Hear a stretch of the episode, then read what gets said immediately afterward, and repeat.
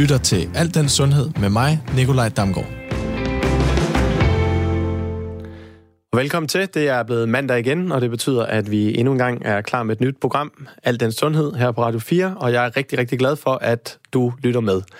Det er jo januar måned, og for mange der betyder det en øh, ny start og ønsker om at lave nogle ændringer, store som små. Men nogle gange kan det godt være lidt svært i, hvad der egentlig er sundt, og hvad der er godt og skidt for mig, og det kan være noget helt andet for, for en anden person. Derfor tænkte vi her på redaktionen, at vi tager simpelthen fat på nogle af de her mest brugte kostomlægninger, livsstil, kurer og træningsmetoder, så vi her i januar kan give dem et service-check og prøve at gøre jer lyttere klogere på, hvad der egentlig er op og ned. Og i dag, der skal vi snakke om keto, den her nye kur- eller kosttype, som er ekstremt kulhydrat, øh, kulhydrat fattig, men meget fedtrig, og nogenlunde samme koncept som low carb high fat. Og senere skal vi snakke løb, og øh, hvad korrekt løb er, og hvad, hvad løb gør vores krop, og hvor, hvorfor det for nogen kan være så svært at komme i gang, og ikke mindst også, hvordan vi så kommer i gang. Det bliver fremragende, og det er to emner, som jeg glæder mig rigtig, rigtig meget til. Så velkommen til. No, I want my bacon. I gotta tell you something. Bacon is good for me.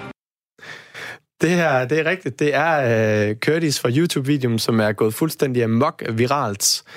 Nikolaj Varni, du er manden bag uh, Ketoliv og podcasten af samme navn. Velkommen til. Hej Nikolaj, tusind tak. Jeg er glad for, at jeg, jeg kunne få lov at belyse øh, keto øh, lidt mere fra et sundheds øh, sige, perspektiv. Øh, så jeg er rigtig glad for at kunne, kunne få lov at være med. Fedt. Uh, lydklippet, som vi lige hører her, det handlede rigtig meget om uh, uh, bacon.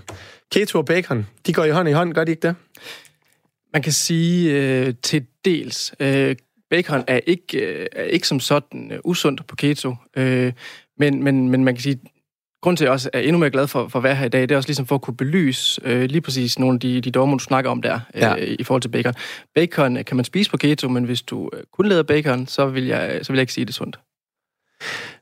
Hvad spiser du på sådan, altså sådan cirka på en helt normal dag? Altså hvis vi tager udgangspunkt i dig, som jeg går ud fra, at du lever sådan 100% strict keto. Ja, det gør jeg. Ja. Det gør jeg. Så hvad spiser du på en helt, helt normal dag? På en helt normal dag, hvis du bare øh, for eksempel tager et dag, så øhm, oftest når jeg vågner om morgenen, så er jeg sjældent sulten øhm, i bund og grund. Og, og man kan sige, det er en af de ting, øh, der er ved keto, men det vender vi tilbage til.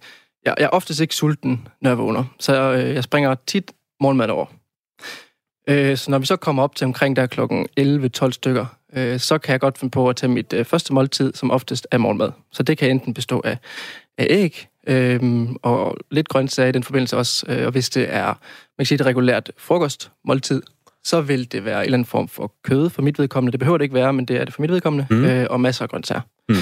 Øhm, og så vil jeg tit øh, have lidt nødder, øh, eventuelt nogle olier, men det, det varierer rigtig meget. I forhold til aftensmad, så er det, så er det i bund og grund øh, normal mad, vil jeg faktisk øh, våge at påstå. Øh, man kan sige, at jeg har en kone også, og et, øh, lille barn derhjemme, øh, og vi, vi spiser i bund og grund det samme, bortset fra, at jeg eliminerer kulhydraterne, og så tilføjer jeg nogle ting til aftensmad. Så det kan sagtens være spaghetti og kødsovs, øh, hvor jeg finder et alternativ for spaghettien. Og hvad kunne det så for eksempel være? Det kan fx være squash-nudler. Ja. Ja. Det kan være også spaghetti squash. Det, det er en, en, en ret, hvor man ligesom kan, kan pille nogle små stykker. Det, det kommer til at virke som pasta. Øh, eller så kan jeg bruge nogle sådan... Jeg kan tage en salat til, eller jeg kan bruge nogle helt andre erstatninger, der er lidt mere, øh, hvad kan man sige, specielle, øh, som vi ikke gider komme ind på. Så det er sådan nogle, øh, du kan få nogle specielle nudler, der er lavet af en eller anden øh, rod ned i Asien. Så det, det er fuldstændig... Konjakrod, ja. Ja, lige præcis. Ja, du kender Okay. den. Øhm, altså det er jo en... Hvis vi sådan kigger på den almene befolkning, så er det jo en kost, der skiller sig ud i forhold til de fleste. Hvordan kom du egentlig på, at øh, du synes, at du skulle ændre din livsstil og din kost? Ja, man kan sige, for, øh, for bare fire år siden, så, øh, så vidste jeg ikke, hvad keto var. Øhm, og low carb, har- low carb high fat havde jeg ligesom hørt om, men øhm, på det tidspunkt sagde det mig ikke rigtig noget. Øh, på det tidspunkt, der spiste jeg en sådan fitnesskost, kan man kalde det. Jeg trænede meget, har brug for masser af protein, som man tænkte øh, på det tidspunkt. Øh, så det var sådan generelt øh, fitnesskost. Øh, til daglig så kører jeg som øh, ambulancebehandler, og øh, det er her i Aarhus omegn, og man kan sige, øh, vi havde en øh, speciel tur øh, til en pige, som der havde epilepsi.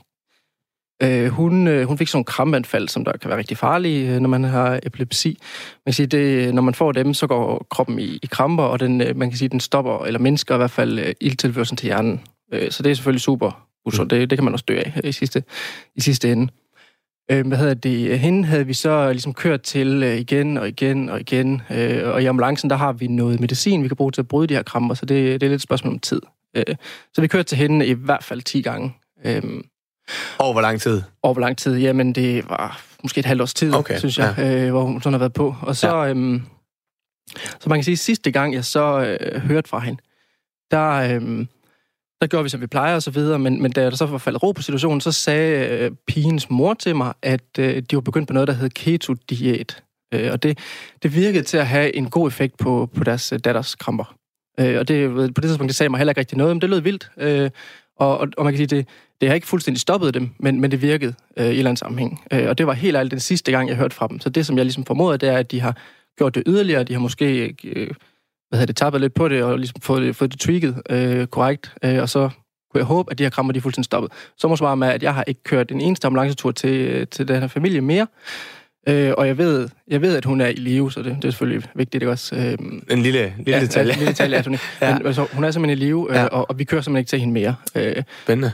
så man kan sige, der, øhm, der hørte jeg om keto, og, og synes, det lød super. Jeg er sådan en naturundersøger mange ting, jeg er meget nysgerrig, øh, så jeg dykkede ned i det, øh, og prøvede ligesom at finde ud af, hvad fanden det var. Undskyld. Og så øh, fandt jeg ud af, at der ligesom var meget mere til det. Det var ikke kun behandling til epilepsi. Øh, der var helt vildt meget i det i forhold til vægttab og til sundhed, og så videre, som vi nok øh, kommer meget ind på. Mega spændende. Og hvis vi sådan lige skal altså, få helt styr på det, så hvad, hvad er det egentlig? Hvad er grundprincipperne i det her keto-diæt, keto-kur, keto-lifestyle? Ja. Jamen, øhm, i bund og grund, så er det, man kan sige, så mindsker man sine kulhydrater. Mange de tror, øh, og det er 100% en, en misforståelse, de tror simpelthen, at det bare det handler mega meget om fedt. Du skal bare have masser af fedt, fedt, fedt, og så skal du ikke spise kulhydrater, men det er en biting. Og det er ikke sådan, at det er omvendt. Man kan sige, på keto, der, øh, der kommer du i noget, der hedder ketose, hvor din øh, naturlige fedtforbrænding egentlig er høj. Mm. Og det, det kommer vi ind på senere. Det kommer vi lidt mere ja. på, ja. Og man kan sige, du kommer ikke derhen ved, ved at spise en hel masse fedt øh, og forbrænde fedt. Du kommer derhen, fordi at du ikke spiser kulhydrater. Øh, så det er sådan, man kan sige, hele, hele essensen i det. Øh, det er, at du skal mindske dine kulhydrater. Så skal man egentlig gå ind og kigge på, øh, hvad har en krop egentlig brug for. Øh, hvis man ikke spiser kulhydrater, jamen hvad har man så brug for? Protein. Men du kan heller ikke spise uendelige mængder protein. Øh, lidt teknisk, det kommer vi også ind på senere, så vil du omdanne meget protein til glukose, som er sukker, og så vil du alligevel sådan lidt i bund og grund øh, få kulhydrater. Så du vil spise protein, øh, og så vil du så tilføre nogle sunde fedtstoffer. Og, og, og det er virkelig vigtigt, at vi, vi, lægger, vi lægger vægt på sunde. Øh, det kommer vi også til. Mm. Så man kan sige, at det du spiser, det er, du, du, får alligevel nogle grøntsager, men du får dem alle sammen fra, eller undskyld, du får alligevel nogle kulhydrater, men de kommer fra grøntsager. Øh, og det er ikke kartofler i det her tilfælde, det er sådan bladgrønt, dem som der er naturligt er kulhydratfattige. Så det du ikke spiser, det er ris, det er brød, det er kartofler, øh, det er pasta, og det er også linser for en sags skyld, og Sukker. sukker, masser af sukker. Du spiser ja. ikke kageis og alle de ting der. Øh, Øhm, er du decideret kulhydrat forskrækket? Øh, nej, altså jeg vil, øh, jeg, vil på, jeg vil på ingen måde påstå, at kulhydrater i sig selv er usunde. Og man kan sige, jeg betragter lidt øh, keto som et redskab, du kan bruge. Øh, det er ikke fordi, vi skal, vi skal gå ind og være super kulhydrat forskrækket, men hvis du gerne vil have nogle af de her ting, som, som keto kan tilbyde, og ketose kan tilbyde, så skal du spise øh, mindre kulhydrater. Øh, til andre formål kan kulhydrater være super, øh, super godt. Man kan sige, fysisk aktivitet af kulhydrater, for eksempel hvis det er meget højintenst, øh, så er du nødt til at have kulhydrater, fordi fedt kan ikke, øh, fedt er ligesom et øh, længere molekyl, så det tager længere tid at forbrænde for kroppen, så du er nødt til at få kulhydrater. Øh, men for sådan den almindelige, at det almindelige menneske, synes jeg ikke, at kulhydrater det er som sådan nødvendigt. Øh, der, der er ligesom andre måder, hvor du kan, du kan danne den mængde glukose, som kroppen har brug for. Og nu- var der lige sådan kort, du siger, det her bredt, som keto er godt for. Kan du sådan nævne nogle af de her ting, som man tilegner det at være på keto-diæten? Ja, man kan sige vægttab i sig selv. Øhm, du, du, du, får ret meget, du opnår ret meget vægttab på keto, fordi at du, øh, du begrænser din kulhydrater, og så begynder du at forbrænde fedt. Øh, så man ser simpelthen en, en øget forbrænding. Øhm, og i virkeligheden så, så er der studier, der har vist, at for hver 10 procent, du mindsker dine kulhydrater, så forbrænder du yderligere 52 øh, kulhydrater. Undskyld, 52 kalorier mere om dagen. Så du kan faktisk, hvis du begrænser din mængde kulhydrater med 80 procent, kan du faktisk få en øget forbrænding til op til 400 øh, kalorier mere om dagen. Så man kan sige, vægttab i sig selv, det er man kan sige, sundhedsaspekt, at, at du ikke er overvægtig. Øhm, derudover så, man kan sige, så bidrager keto til nogle, nogle, nogle ting øh, inden for øh, kronisk øh, inflammation, som vi helt sikkert skal dykke ned i, hvis vi får tid til det, Mhm. øh, og insulinresistens. Man kan sige, har vi tid til at dykke ind i det nu? Det kan vi godt. Det kan vi Det- godt. Ja. Hvis du tager resistens. man siger, det er noget, som... Øhm, hvis vi går et skridt tilbage, når du, når du spiser kulhydrater, øhm, så producerer kroppen insulin. Og det gør den, fordi at øh, din kulhydrater bliver omdannet til sukker, som der ligger i blodet. Men for at du ligesom kan bruge sukkeren til øh, fysisk aktivitet, så skal det ind i dine celler, hvor de kan blive brændt af. Så insulin, det er ligesom det, der, der, der flytter sukkeret fra blodet og ind i cellerne. Og man kan sige, i takt med, at du bliver udsat for rigtig, rigtig meget insulin, så har kroppen en, øhm, en funktion, hvor den, øhm, den vender sig og bliver bedre til at takle de ting, som den får rigtig meget af. For eksempel, hvis nu, øh, du drikker sikkert meget kaffe, øh, Nikolaj, og hvis, mm. hvis man kan sige, i starten, hvor du ikke drak kaffe, så virkede det rigtig, rigtig godt på dig. Nu har du drukket kaffe i 15 år, og nu mm. synes du egentlig ikke, at det virker sådan særlig godt mm. mere. Øh, og det er samme sker med insulin. Hvis du får rigtig meget af den over rigtig, rigtig lang tid, så virker den ikke særlig godt mere. Det vil sige, at det bliver sværere for kroppen at flytte sukkeret fra blodet ind i cellerne. Okay? Men man kan sige, det som kroppen så gør, når den så opdager det her, at der er masser af sukker i blodet, det er, at den simpelthen producerer mere insulin. Mere og mere og mere. Og, og man kan sige, det, det er sådan lidt en negativ spiral, der bare bliver ved. Øh, Du, kan ikke, du spiser masser af sukker, men du kan ikke få det ind i cellerne. Og på sigt ser man med for eksempel diabetes-patienter, det er enormt usundt for, for kroppens øh, metabolisme, at der er så meget sukker i blodet. Øh, Og det har nogle fatale følgevirkninger, hvor de mister benene, og det, kan, Mm. det er også ligegyldigt. Mm. Øh, så man kan sige, de to ting, kronisk inflammation og insulinresistens, det er ligesom nogle af de ting, som keto kan være med til at, at takle som et redskab. Mega interessant. Men der er også, jeg ved også fra, altså for det jeg arbejder med, at der er mange, der tilegner keto det her med den, altså den, den her brain health, altså hjernesundheden. Ja. Kan du fortælle lidt om det også? Ja, man kan sige, øh, når man nedbryder fedt, så, øh, så producerer man det, der hedder ketoner. Og det er, man kan sige, øh, fedt i det hele taget kan kroppen godt bruge som øh, energi øh, til at forbrænde. Ikke sådan, når det er højintens, men den kan godt sådan til dagligt basis øh, nedbryde energi til energi. Eller undskyld, nedbryde fedt til energi. Øh, men hjernen, den har brug for rigtig, rigtig meget energi. Øh, det skal gå meget hurtigt. Det vil sige, at i virkeligheden, så snakker man om, at hjernen, den skal have kulhydrater. Man har så fundet ud af, at, at, øh, at ketoner, det har ligesom øh, samme effekt som kulhydrater. Det er hurtigt og nemt at forbrænde for hjernen.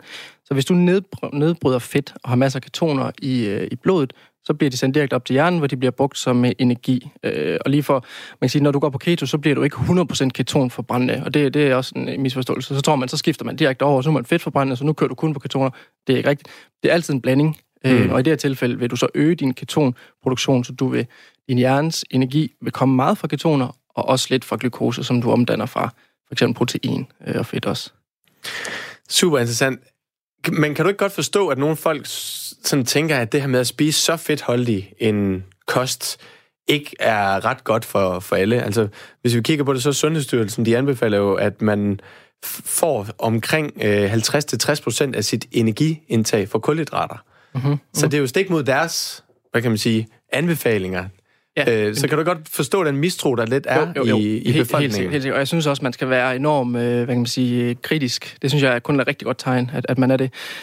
Øhm, jeg synes, at... Øhm, jeg synes som sagt ikke, at kulhydraterne, de er decideret er, er, er nødvendige. Øhm, og mit spørgsmål sådan tilbage er, er sådan lidt mere, hvor, hvorfor øh, skal man have kulhydrater, når man kan leve på for eksempel øh, fedt og, og protein, og Det virker til at fungere rimelig godt, og, og man kan sige, jeg synes også, at, at når man går ind og kigger på sådan den nyere evidens, øh, der er for det, så synes jeg ikke øh, nødvendigvis, at der, der er hold for nogle af de ting, der bliver sagt, og det skal jeg jo ikke, øh, det skal jeg virkelig passe på med at gå ud og sige, øh, for jeg synes stadigvæk, man skal være kritisk og, og, og lytte til det, men man skal gå begge veje øh, i det hele taget. Øh, men Ja. Der den tabte jeg lidt totalt. Jamen, det er helt okay. Jamen, det var, mere, det var mere det her med, altså med, at Sundhedsstyrelsen, de, de har jo en stik mod, mod, modsat ret øh, præcis. anbefaling, end det her med at leve på keto. Lige præcis, ja. Så går man ind og kigger på, hvad kan man sige, øhm, hvorfor vil de ikke anbefale mere fedt? Og det er fordi, man ligesom, der er lidt en, en fedtforskrækkelse, fordi man har set noget evidens, der siger, at, eller der er evidens, der siger, at, at mættet fedt specielt, og det er så fra animalske produkter oftest, det er ligesom øh, ikke er sundt i, i alt for store doser. Øhm, det synes jeg også efterhånden kan, kan diskuteres. Men, men, men spørgsmålet kommer selvfølgelig i, i fedt. Øh, og der, hvor jeg, hvor jeg ser øh, evidensen, det er, man kan sige, hvis du kombinerer fedt, en høj mængde fedt, med en masse kulhydrater, øh, forarbejdede kulhydrater, og måske også kage, og alle de, de ting, mm. som vi bare ved er usunde. Hvis du kombinerer de to ting, jamen så, så, så laver du også lidt en, så kan du lave en, en blanding, der, der hvad kan man sige, farlige, hvor du kan få øh, blodpropper og, og jeg ved ikke hvad, ikke også. Men hvis du ligesom eliminerer kulhydraterne, så vil jeg våge at påstå, at, at meget fedtet, det, det ikke vil på, på samme måde sætte sig øh, inde i blodkarrene, og det er også en længere, længere forklaring, det kan vi godt øh, komme igennem. Øh, men man kan sige, hvis, hvis du eliminerer kulhydraterne fuldstændig, øh, og, og sænker kronisk inflammation og den slags, så vil fedtet ikke øh, simpelthen kunne sætte sig til en blodprop, så vil det flyde lige stille igennem øh, kredsløbet, som, som det skal. Perfekt, og med det så vil vi øh, hoppe videre til del 2. Fordi hvis vi lige skal gå et øh, spadestik dybere her, kan du så ikke, øh, Nikolaj, forklare, hvad det her ketose, altså vi har været lidt inde på det, men hvad er det sådan helt, helt reelt? Øhm, ja, hvad er det? Ja, ketose, det er det, man kan sige, et metabolisk stadie, som du kommer i, når du, når du ligesom lever på, øh, på ketoner, som der kommer af fedtforbrænding. Det vil sige, det, det er et, et stadie, som du er i, når du er fedtforbrændende, kan man godt være bekendt at sige, synes jeg. Ja, og hvis man sådan lige, altså hvis, hvis der sidder jo nogle lyttere, som måske aldrig har hørt om det her før, ligesom du gjorde, da du var ude ved den her lille pige, hvad, hvad betyder det sådan, i går så en helt på dansk, det her med at gå og svæfte forbrænding? Ja. Kan du sætte nogle ord på det? Øhm, altså man kan sige, øhm, hvis man skal gå ind og kigge sådan øh, subjektivt på det, jeg kan kun tale for, for mig selv for eksempel, øh, når jeg er i øh, ketose, så er mine øh, man kan sige, sådan, mentale færdigheder er fuldstændig øh, i top. Øhm, på den måde, at hvis jeg, hvis jeg, jeg har også perioder, hvor jeg godt kan finde på at spise kulhydrater øh, af, af bestemte årsager, der, kan jeg, der, der oplever jeg seriøst, at for eksempel klokken 3, halv 4, 5 om eftermiddagen, så er jeg færdig. Altså, jeg sidder på gulvet med min, med min datter, og jeg sidder bare og gaber. Mm. Og jeg kan slet ikke være til stede. Jeg ved ikke, om det har forstærkende effekt, når jeg er vant til det. Men, men når, når jeg så lever på ketoner, og jeg er i ketose, som jeg er nu for eksempel, så helt synes jeg kan, jeg kan arbejde hele dagen. Selvom klokken den er 9 om aftenen, så er jeg fuldstændig top op i hovedet. Jeg, jeg, jeg er fuldt koncentreret. Og det synes jeg i sig selv er fuldstændig, fuldstændig sindssygt. Øh, og man kan sige, en ting er sådan, hvad, hvad evidensen er. Jeg har jo simpelthen også så mange øh, man kan sige, brugere, der kommer igennem ketoliv, og man kan sige, følger de anbefalinger, vi kommer igennem. Øh, og de siger simpelthen nogle af de samme. Det, man, man oplever simpelthen at have det godt op i hovedet. Du har ikke øh, samme blodsukkersvingninger. Øh, du, du, du, du føler dig sådan lidt, lidt klar op i hovedet, kan man godt sige det. Ja. Så hvis vi ligesom skal... Altså det her med, at hvis vi tager en ganske almindelig traditionel dansk kost, jamen, så kører vi mest på det, der hedder kulhydrat eller glukoseforbrænding. Ja. Og når vi kører over på det her keto-diæt, hvor vi udelukker en stor del af vores kulhydrater, så på et tidspunkt så tømmer vi de her kulhydratdepoter i kroppen, og så svæfter kro- kroppen over til at køre på fedtforbrænding. Lige præcis. Og den fedtforbrænding gør, at vi kommer i ketose og danner de her ketoner. Lige præcis, som du siger der. Men det der så er, hvis du så indtager mange kulhydrater øh, igen, så vil kroppen begynde at forbrænde dem. Det, det vil simpelthen altid prioritere at forbrænde kulhydrater og fedt. Ja. Øh, så det er fuldstændig rigtigt, det du siger. Perfekt. Og øh, jeg synes jo, det er super interessant at høre dig omkring den her mentale øh, øh, oplevelse, fordi for i sidste år, som det er jo nu, vi har gået nyt år, der prøvede jeg at skulle leve på 6 uger på ren keto, og det gjorde jeg sammen med en øh, god kammerat, og vi øh, testede os hver dag for at se, hvor vi hen vi lå i ketose og sådan noget. Ja. Og det, der overraskede mig rigtig meget, det var, at hvis vi kigger på de der 6 uger, så tabte han cirka 8 kilo, okay. og jeg tabte cirka 1,5 kilo. Ja. Og vi er nogenlunde samme kropstype. Uh, han kunne for eksempel godt tage et glas vin fredag aften, og stadigvæk ja. være i ketose lørdag morgen.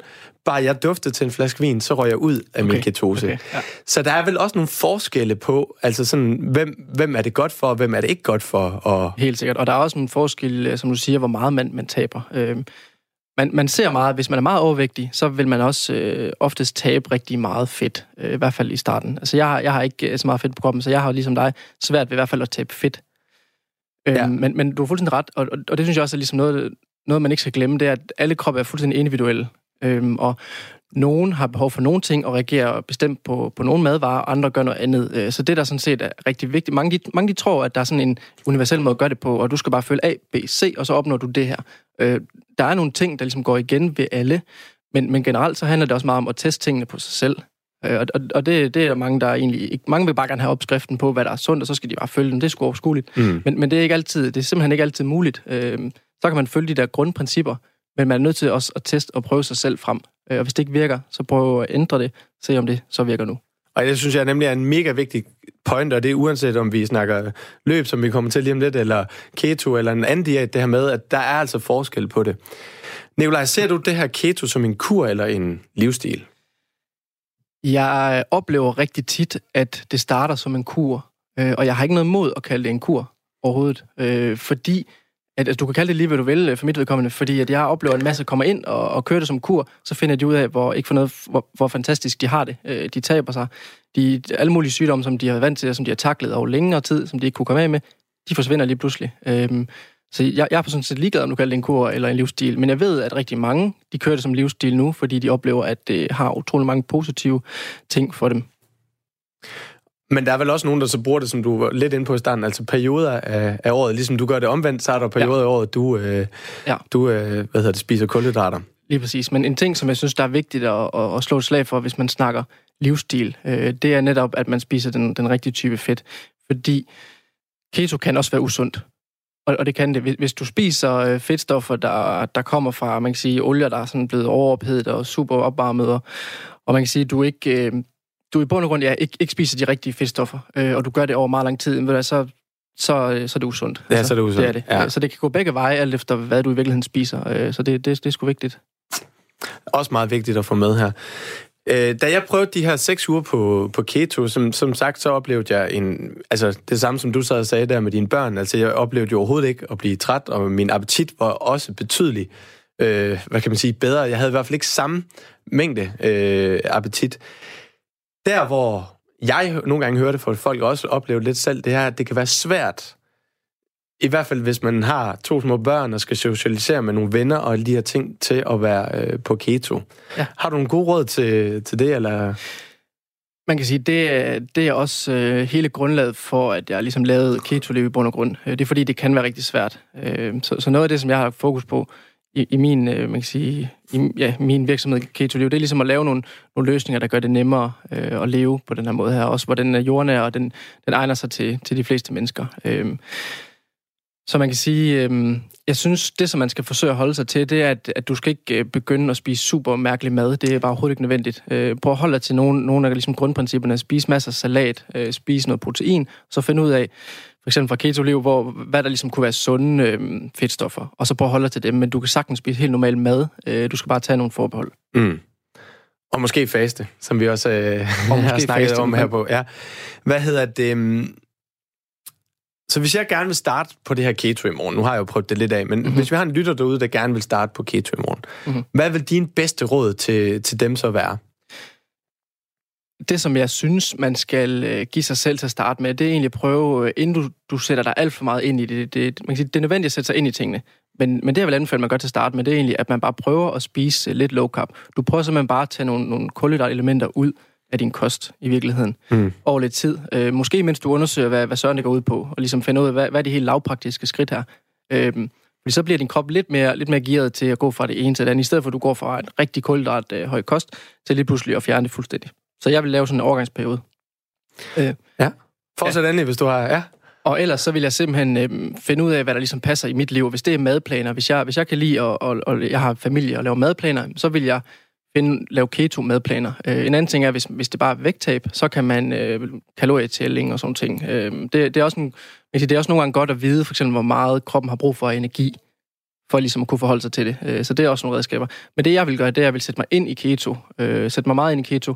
Så vil jeg prøve at prøve noget af maden af, bare sådan på slum, så man ligesom finder ud af, hvad, hvad kan man og hvad kan man ikke. Øh, og så vil jeg på et eller andet tidspunkt sige til mig selv, nu gør jeg det. Så tager jeg for eksempel 30 dage, hvor jeg siger, nu følger jeg den her øh, madplan fuldstændig slavisk, øh, og jeg hopper ikke fra, fordi der vil være nogle perioder, hvor man får det lidt, øh, lidt træls, øh, så lidt det, man kalder en keto-influenza, hvor du får nogle symptomer, der ligner en influenza. Øh, men jeg vil sige til mig selv, de her 30 dage, der holder jeg det fuldstændig, så jeg kommer over på den anden side og ser, hvordan det er at være fedtforbrændende, øh, og oplever nogle af de, øh, de ting, der følger med, som for eksempel er, er vægttab. Øh, Ja, fordi det er også den, altså nogle gange, når de så folk oplever måske, det er jo ikke alle, der får den her keto flu, som man snakker om. Nej. Men hvis, hvis man gør det, så er der jo mange, der så, ah, så går de lidt tilbage, fordi, og her efter nogle kulhydrater, og så, og så kommer de aldrig helt over og oplever måske ikke, om det er noget for dem, nej, eller ej. Nej, lige præcis. Så helt afslutningsvis, altså, hvis vi lige skal opsummere, hvad vil dine tre bedste råd være til, hvis jeg skulle starte på keto i morgen? Jeg vil sætte mig ind i, hvad det, hvad det går ud på, øh, og eksperimentere med det. Så vil jeg... Øh, jeg vil køre madplaner, øh, hvis det passer ind i mit liv.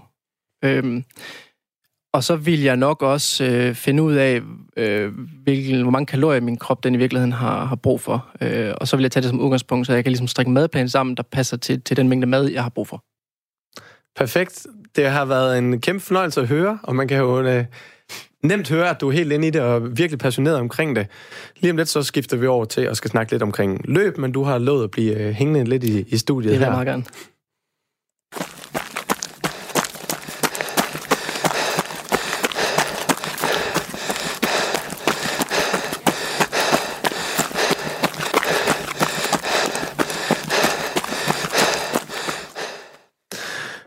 Jeg skal ærligt indrømme, det er ikke mig, der har fundet den lyd her. Det er min producer, Louise Pilgaard. Men vi kender jo alle sammen lyden, og de fleste af os kender også følelsen af det her med at have en høj puls og tung vejrtrækning, altså følelsen af løb. Og det er det, vi skal snakke om nu. Henrik Gelert, er det sagt rigtigt? Det er korrekt. Ja, velkommen til. Du Mange er passioneret øh, løber, og så er du løbetræner, løbeekspert ved siden af os. Nu skal jeg lige høre her, nu har vi jo hørt lidt om Nikolajs øh, keto-liv her. Ja. Har du nogensinde spist på den måde, og kunne du tænke dig at spise på den måde? Eller vil du overhovedet kunne spise på den måde, som du... Øh...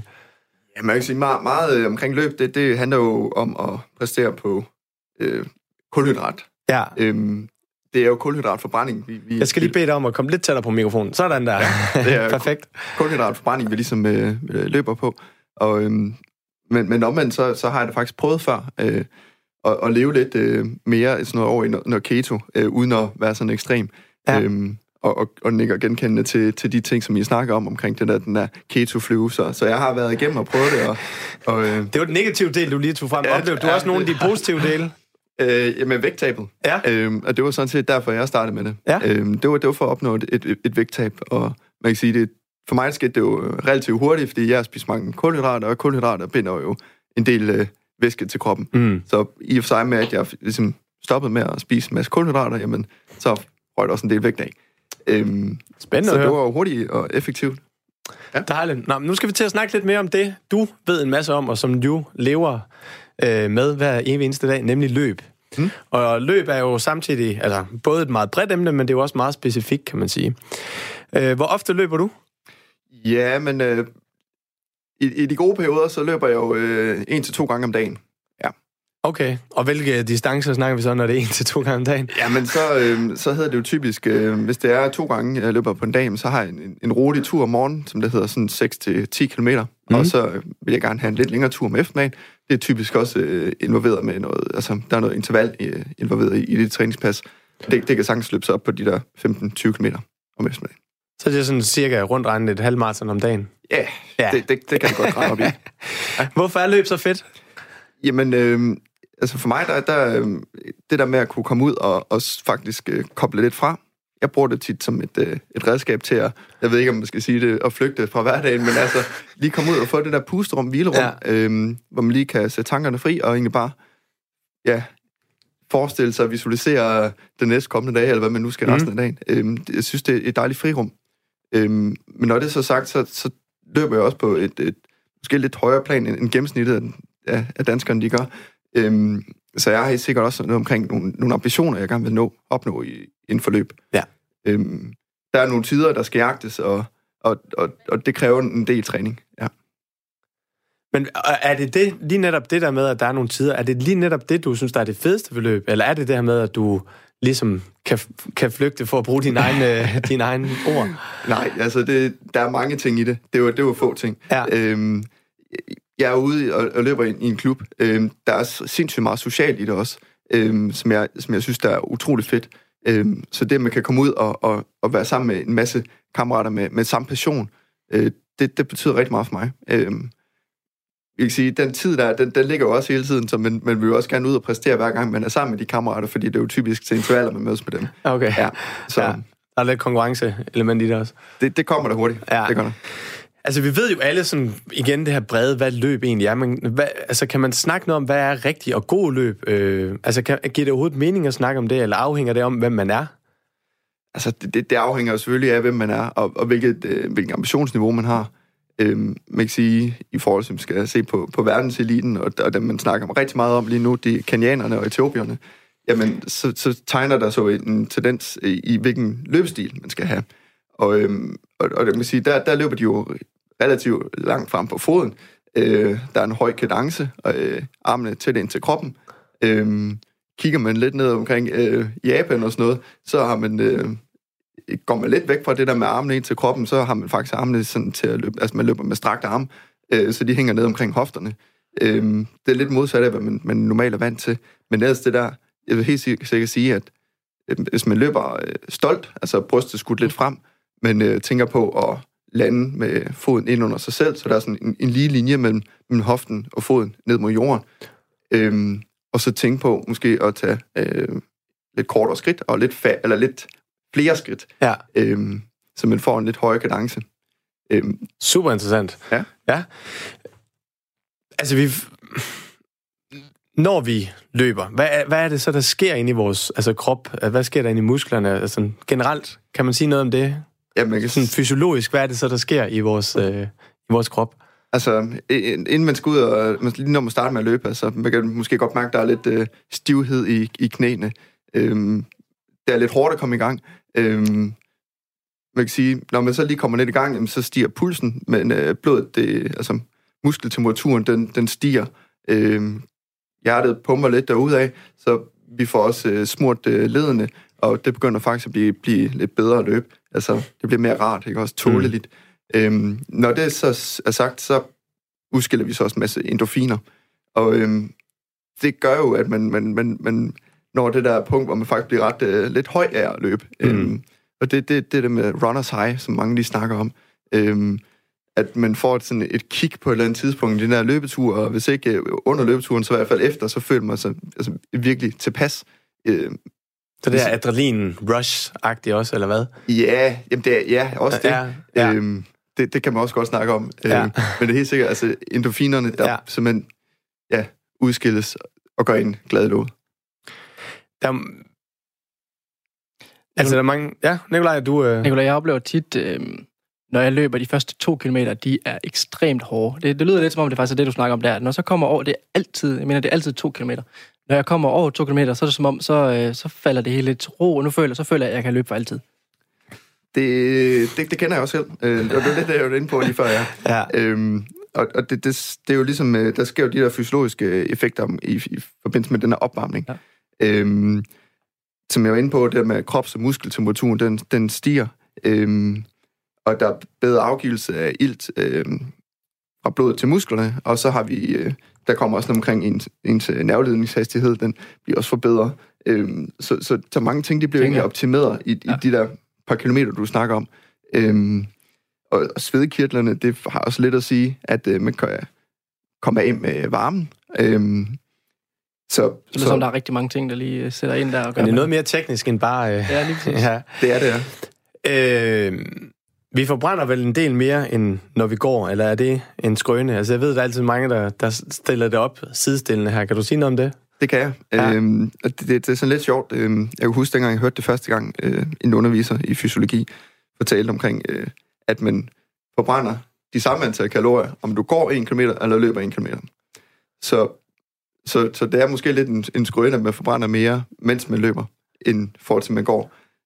Det er meget interessant. Det, der så kan være lidt med det, det er jo så, at der er en, en, en lidt efterforbrænding Ja. i, i løb. Altså, pulsen er jo tilsvarende lidt højere efter en aktivitet, end, end der efter en et gåtur, kan man sige. Så øh, om, om der er sådan en, en tommelfingerregel, når jeg skal ud og regne ud, hvor mange kalorier jeg har forbrændt, jamen, altså, man siger, altså, en kalorie per kilometer per kilos kropsvægt. Okay. Mm.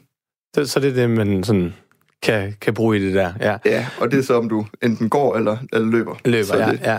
Men det er super interessant, fordi jeg oplever mange af mine, sådan, siger, jeg kan ikke løbe, eller jeg kan ikke... Altså det der med, at de, og de føler ikke, at det der med en gåtur kan give dem noget tilstrækkeligt. Nu er vi sådan ikke, ikke lige snakke eliten, men, men så det er jo en meget god pointe, det her med, det der med at få folk i gang med at gå, og så træne dem, og så kan de måske begynde at løbe, mm. og tage flere og flere øh, på, og det er jo en god motivation, Absolut. det du lige du siger her. Mm. Øh, noget jeg også synes, der er, jeg rigtig godt personligt gad vide mere om, det er jo noget omkring de her øh, forskellige distancer. Ja. Altså, hvad gør de forskellige former for løb? Hvad er der fordele og, og, og ulemper? Og hvis vi lidt starter med de lange distancer, altså hvad, hvad gør de, og er der nogle fordele og ulemper ved det? Altså, jeg, jeg tænker øh, ikke, der er nogen... øh, Altså, der er selvfølgelig nogle ulemper i forhold til restitution med de lange distancer. Det kræver rigtig mange, altså meget, mange timers træning. Ja. Øh, og det kræver noget restitution. Det er ikke lige der, man skal starte, hvis man er... Nej, altså, jeg vil jo altid anbefale faktisk egentlig at- at starte med de korte distancer, men, men typisk så, så sætter man, hører man omkring naboen, der lige har løbet et maraton, og, og men Ja. Peter, han har løbet et maraton på, på, på fire og en halv timer, det vil jeg altså prøve. Ja. Øhm, så det, det er ofte der, jeg hører, at det starter Ja. med ambitionen faktisk om at løbe et, et maraton eller et halvmaraton. Så de Øh, lange distancer kan faktisk være en motivation for mange for at komme i gang. Absolut. Det, ja. det oplevede jeg også på, på egen krop. Øhm, og, og lavede nok også den fejl, som, som der er, altså nu uden at træde nogen over fødderne, men der er nok også en del, der laver den samme fejl, som jeg har lavet. Øhm, sat øh, et mål omkring at løbe maraton, og fandt øh, ud af, at jamen, øh, jeg har 12 uger til at løbe det maraton nu, altså til at træne op til det maraton. Og øh, følger et program, og det går jo rigtig fint i starten, men det går jo ikke ret lang tid, så måtte jeg jo holde noget pause, fordi så havde jeg jo fået i knæet og kunne ikke løbe i to uger. Mm. Øhm, og så prøver man igen. Ja. Men øh, Ja. ja. ja, Men hvis vi lige skal holde os til de her forskellige... Altså, hvornår kalder man det en lang distance egentlig? Altså, det må jo også være... Kan Ja. man sige noget om det? det kan man godt. Der er, nogle, øh, der er noget, noget kort, altså noget sprint, og der er noget mellemlang distance, eller mellemdistance og Ja. ja. langdistance. Og øhm, altså langdistance i, i, i mine øjne, det, det starter omkring øh, 5.000 meter, øh, og så op til, jamen, til de der ekstreme ultraløb, der også Okay, øh, findes. så 5 km er også et langdistanceløb. For, for, for mig vil det være et langdistanceløb. Okay, Ja. interessant. Og hvad så... Altså, de korte distancer, det går også ud fra, at det er fra 0 op til, til Jamen. 5 km. Så er der jo øh, sådan noget 60 meter til de der 400 meter, og så kører vi noget mellemdistance, sådan 8, 800 meter og 1500 meter. Og så derfra opad, der synes jeg, det, det, det bliver sådan noget langdistance. Så du vil sige, når for eksempel min producer, Louise Pilgaard, hun løber 5 km, så er det en langdistanceløb? Det, det er det, ja. Ja, Okay, det vil interessant. Mm. Og hvad er det så, at sprint og intervaller, altså hvis man, hvad, kan du, det er nogle gange det, jeg selv synes kan være svært. Hvad er sprint, og hvad er intervaller? Er det ikke det lidt det samme? Kan du lige prøve at definere, hvad er forskellen på de her to, og hvad er fordelen og ulemperne ved begge? Jeg vil sige, sprint, så det forbinder jeg typisk med, så er det noget meget kortvarigt. Altså, det er noget arbejde under 10 sekunder. Altså, vi snakker omkring sådan noget anaerobe arbejde. Ja. Øhm, og når det er interval, så plejer det typisk være sådan lidt lavere intensitet. Øhm, men det kan også godt være anaerob arbejde, altså det er helt hårdt, hvor, hvor pulsen den er op og, og makse ud. Men, men, men typisk så er det jo øh, lidt kortere, eller lidt lavere hastighed, og lidt mere kontrolleret øh, på intervaller. Og altså, hvis du, altså, kan du prøve, det her intervaller, det er jo med, at man har en høj intensitet og lav intensitet, tænker jeg, ikke? Mhm. Altså, i, i, og, og hvor, hvorhen ligger man sådan tidsmæssigt, eller distancemæssigt, eller hvordan... Hvis du skal lave et intervalløb, hvad, hvad, hvad, hvad er det så typisk? Altså, hvis jeg skal løbe noget interval, og vil sige, si, mit, mit, mit sidste år, det, det fokuserede rigtig meget på halvmarathon. Øhm, så der vil mine intervaller typisk være noget, der ligner øh, den ønskede sluttid.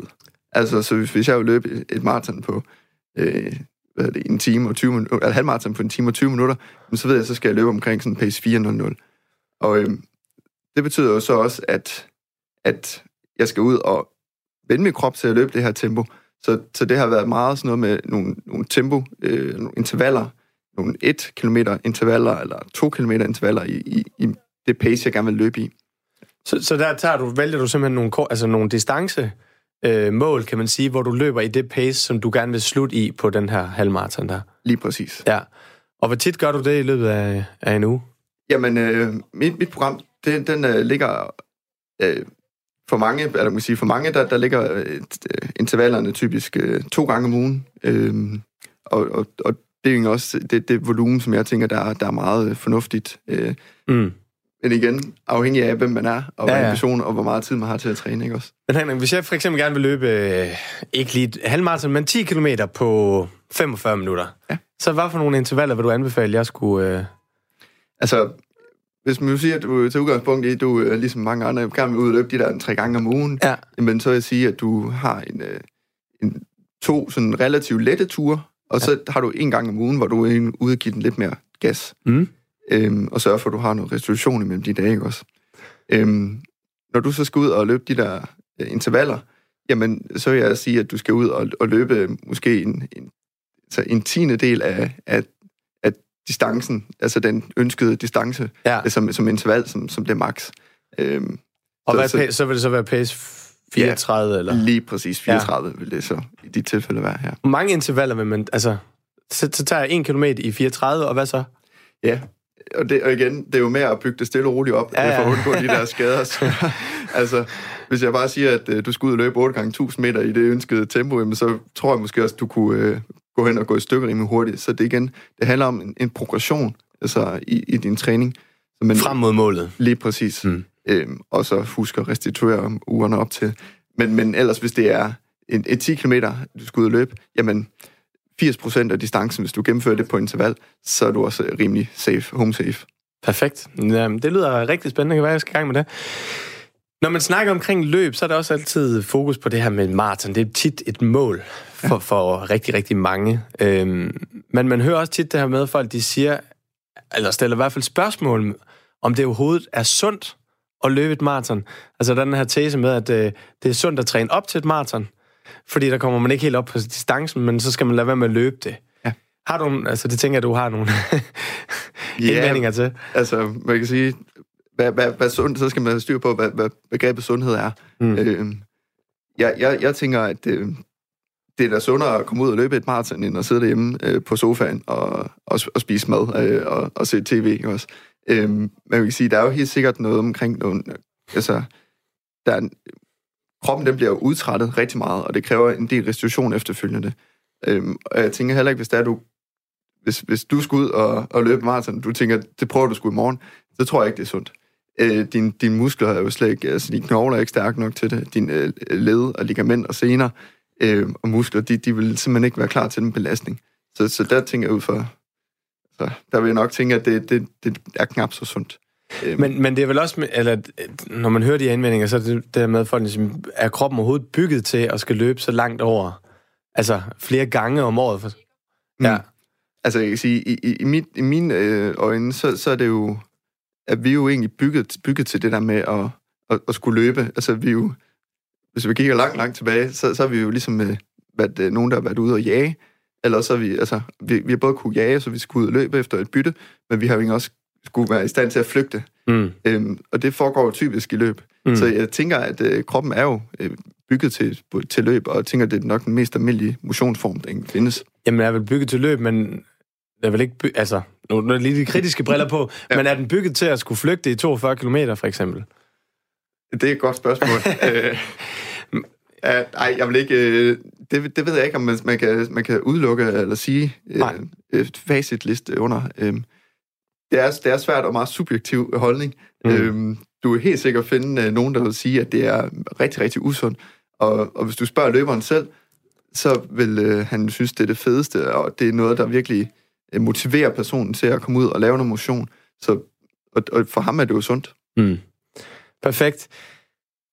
Nicolaj, du sidder og lidt. Har du noget at indvende til? Jamen, jeg, jeg sad bare og tænkte lige præcis øh, i forhold til, til selve, når man ligesom laver selve maratonet. Mm. Øh, hvor jeg sådan tænkte, okay, øh, så kan det godt være, at, at den her ene gang måske ikke er decideret øh, sund, men som vi snakker om, at alt op til er sundt. Og så tænker jeg lidt, hvor, hvad mister man så øh, ved, at man den ene gang så lige løber et maraton, så man kan sige, at man har, man har gjort det. Øh, Mm. Øh, og det kender jeg også fra mig selv. Altså, jeg har løbet flere halvmarathon og halvtriathlon, men jeg har decideret holdt mig fra, fra selve de, de hele, øh, og lige præcis af de årsager der. Øh, men man kan sige, det lyder på dig, hvis man sådan træner korrekt op og, og, og tager alle forholdsreglerne, så, så kan man godt øh, slippe igennem, uden at det sådan er alt for, for usundt. Det, det, det er også min, øh, min holdning til det. Det er, Mm. at man øh, absolut øh, med, med, med, med god, god træning og tålmodig træning, øhm, ja. at, at så du sagtens kunne holde til at, at komme ud og løbe øh, den fulde distance. En rigtig god øh, pointe her. Så hvis vi igen, altså hvis jeg for eksempel gerne vil forbedre min kondition, hvad vil du så anbefale mig? Altså hvis det er det, der er det, mit, mit mål, hvad, hvad vil du så anbefale mig? Er det interval, er det sprint, eller er det en blanding? Det er en blanding. Øh, det, det kommer nok ikke udenom. Øh, det kræver, at du både øh, træner det, altså, din aerob kapacitet og så din anaerob kapacitet. Og hvis du gerne vil øh, ændre noget tid, jamen, så bliver du nødt til også at, at, at, at dyrke det anaerobe. Mm. Øhm, det er klart. Men du skal også have dyrket det aerobe. Så vil sige, du skal også... Du skal virkelig... Nu skal vi lige have anaerob og aerob, hvad er det? Ja, det, ja, det er jeg lige så godt forstyrre på. Ja, fordi det... Øh, aerob, det vil sige, det er sådan lidt mere lave øh, intensitet. Øh, så det er ude at få de, de rolige kilometer, øh, og det, der hedder sådan noget tærskeltræning, er der også nogen, der nævner, siger det som, altså det tempo, du kan løbe i en, i en time, øh, uden at være helt smadret. Øhm, og man siger sådan, hvis du skulle ud og løbe noget anaerob, så er det helt det der nede, vi snakker om øh, lidt tid siden, så er det sådan noget sprint, altså det er 10 sekunders arbejde, altså så pulsen den er mm. rigtig højt op. Det er godt lige at få det defineret. Ja, ja. Så, ja. så ja. ja. Så, så en blanding, hvis jeg gerne vil øh, forbedre min kondition af det her både. Ja. Det skal du. Du skal ud og have pulsen op, men du skal også sørge for, at øh, din krop den øh, vender sig til, til belastning med, ja. lige præcis med noget udholdenhed. Perfekt, og det hopper vi videre til øh, del nummer to. Du lytter nemlig til øh, Alt den Sundhed her på Radio 4, hvor vi lige nu snakker omkring løb. Henrik Gelert, vi har med dig med i studiet. Mm. Du har jo haft mange forskellige klienter øh, hos dig, og der kommer jo mange til dig for at få et, øh, et program og ønske om at få den rette øh, råd og vejledning. Med vores producer, Louise Pilgaard her på programmet, hun har øh, besluttet sig for, at hun i år vil løbe et øh, halvmarathon, øh, som hun før har gjort. Men først, eller sidste gang hun gjorde det, der øh, troede hun, at hun kunne træne det op på halvanden måned, mm. hvilket resulterede i, at hun fik smadret knæ og en grundlæggende angst for at skal ud og løbe de her lange distancer igen. Ja. Hvis hun kom til dig, hvordan vil, du, øh, hvordan vil du anbefale hende at komme sådan ordentligt i gang, både med udstyr, program og motivation og alle de her forskellige ting? Altså, man kan sige, helt basic, så er sådan noget med udstyr, altså keep it simple. Øh, nu øh, har jeg jo selv øh, haft løbeforretning og, og, og selv øh, rådgivet rigtig mange i løbesko, men, men jeg har altid haft den tanke om, at hvis man nu går ned og vælger noget udstyr, og man siger, det er, det er altså fedt at have på, dejligt at have på, så det er det, jeg synes, man skal gå med. Så, så keep it simple, og vælge det, du synes, der er rart at have på første omgang. Og, øhm, og når man så kommer hjem, og så skal til at, at træne, så, øhm, så skal man ligesom måske øhm, sætte ambitionsniveauet lidt ned, øhm, og, og, og, og lytte, være rigtig god til at lytte til din krop. Mm. Så, så hvis det er, at du føler, at, at du kan se, at, øh, at du har et eller andet mål øh, 12 uger i fremtiden, øhm, så, så skal man ligesom også ligesom lave den her progression hele vejen op til løbet. Så er det cirka sådan tre måneder, du siger, der vil være godt at forberede sig på en halvmarathon distance? hvis man som vores producer Louise kan løbe omkring 3-5 km i dag? Hvis hun kan løbe 3-5 km i dag, så, og det tror jeg også godt, hun kan, øhm, så tænker jeg, det, det, er, det er rimelig realistisk. Altså, hvis du kan løbe 5 km kontinuerligt nu, jamen, så vil du også i løbet af, af, af 12 uger kunne, kunne træne op til at, at gennemføre distancen uden diverse skader med den rigtige progression. Perfekt. Og sådan lige afslutningsvis, sådan nu ligesom vi øh, slutter af med over med Nikolaj, tre gode råd til, hvordan Louise for eksempel kommer bedst i gang med det her med at, at skal løbe. Ja, altså for mig, der, der løb, det skal, det skal være sjovt. Øhm, så, så først og fremmest, så, så skal det være sjovt, når du er ude at løbe. Øhm, og så, så vil jeg også gerne aflive det der, man snakker omkring det der no pain, no gain. Der er mange, der skal ud og, og presse kroppen mm. hver gang til det yderste.